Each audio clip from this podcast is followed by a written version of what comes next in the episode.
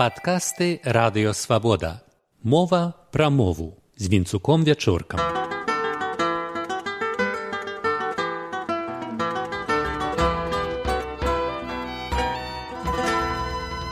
Вітаю шаноўнае спадарства.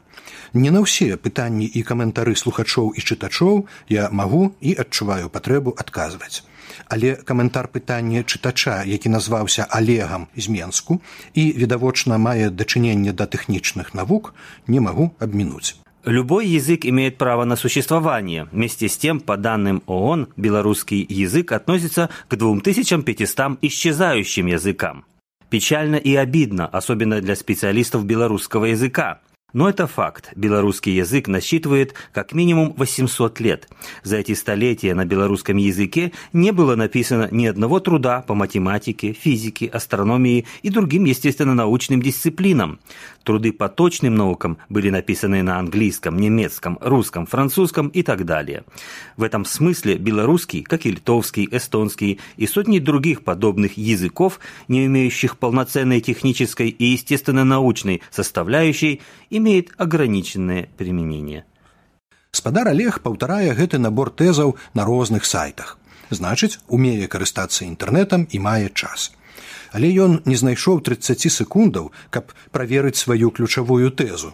За гэтыя стагоддзі на беларускай мове не было напісана ніводнай працы па матэматыцы і іншых прыродазнаўчых дысцыплінах. Выбачайце, гэта расейскія шавіністычныя байкі.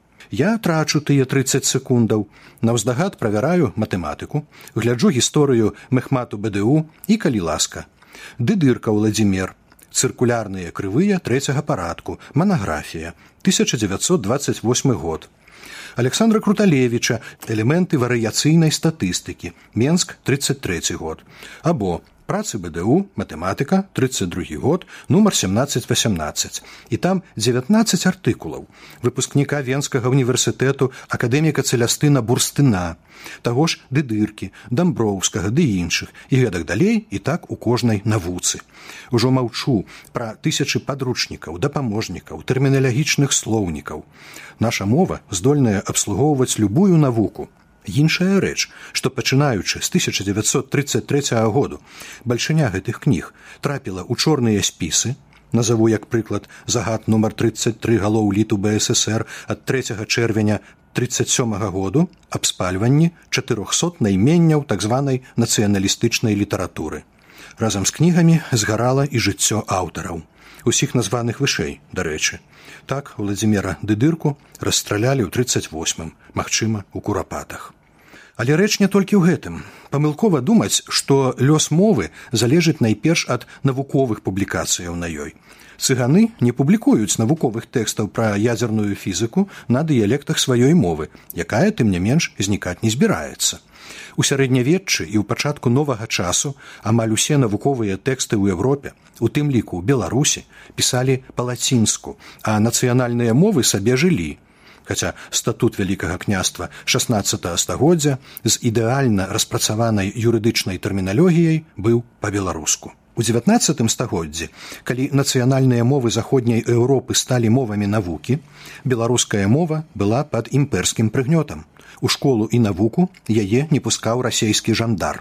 Але як толькі імперыя знікла, а расійска-савецкі прыгнёт яшчэ не ўвабраўся ў сілу, тут жа расцвіла навука па-беларуску, пра што я казаў раней. Як толькі аслабела савецкая хватка ў канцы 1980-х адрадзілася пісанне навуковых працаў у дакладных і тэхнічных навуках выкладанне па-беларуску мае сябры па беларускай майстроўні з беларускага дзяржаўнага універсітэту цяперашняга бнту ды іншых вышэйшых школаў і дыплёмы і дысертацыі і працы так пісалі. Прыкладам ігар міклашевич на жаль нядаўна трагічна загінуў. Доктар фізіка матэматычных навук загадчык лабараторыі дынамікі сістэмаў і меха механікі матэрыялаў бнту выкладаюць і пішуць працы матэматыкі тамара сухая той же бнту Віктор ахраменко бДУ хімік евген меляшкевич бдту прафесор медык алесь астроўскі якога ўрэшце выжылі з медычнага універсітэту ў горадні і многія іншыя Зрэшты, цяпер міжнародная мова дакладных навук ангельская, а ніякая не расейская. Але з гэтай прычыны ані фінская, ані эстонская, ані фляманская мовы паміраць не збіраюцца. Навукоўцы ў камандзе вялікага гадронавага калідара, які на ангельскі лад называюць часам калайдарам, міжсобку гавораць і справаздачы пішуць па-ангельску, але гэта не вядзе да змены імі родныя мовы. Бо галоўнае не мова асобных галін навуковага пошуку, а мова іхнай трансляцыі на грамадства, мова адукацыі, мова дзяржаўнай сістэмы, мова медыяў. Методыкі ратунку вядомыя. Найперш трэба, каб улада не навязвала чужынскага.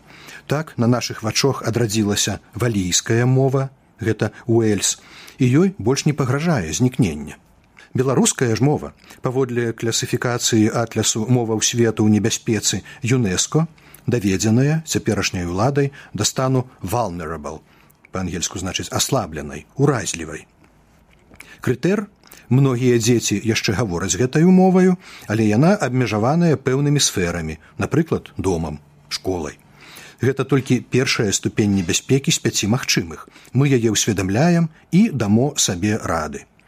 Олег пытае навошта? Я адказваць не буду а то давядзецца таксама адказваць на пытанні навошта быць самім сабой? Навошта шанаваць бацькоў? Ці навошта любіць радзіму? З вами быў вінцук вячорка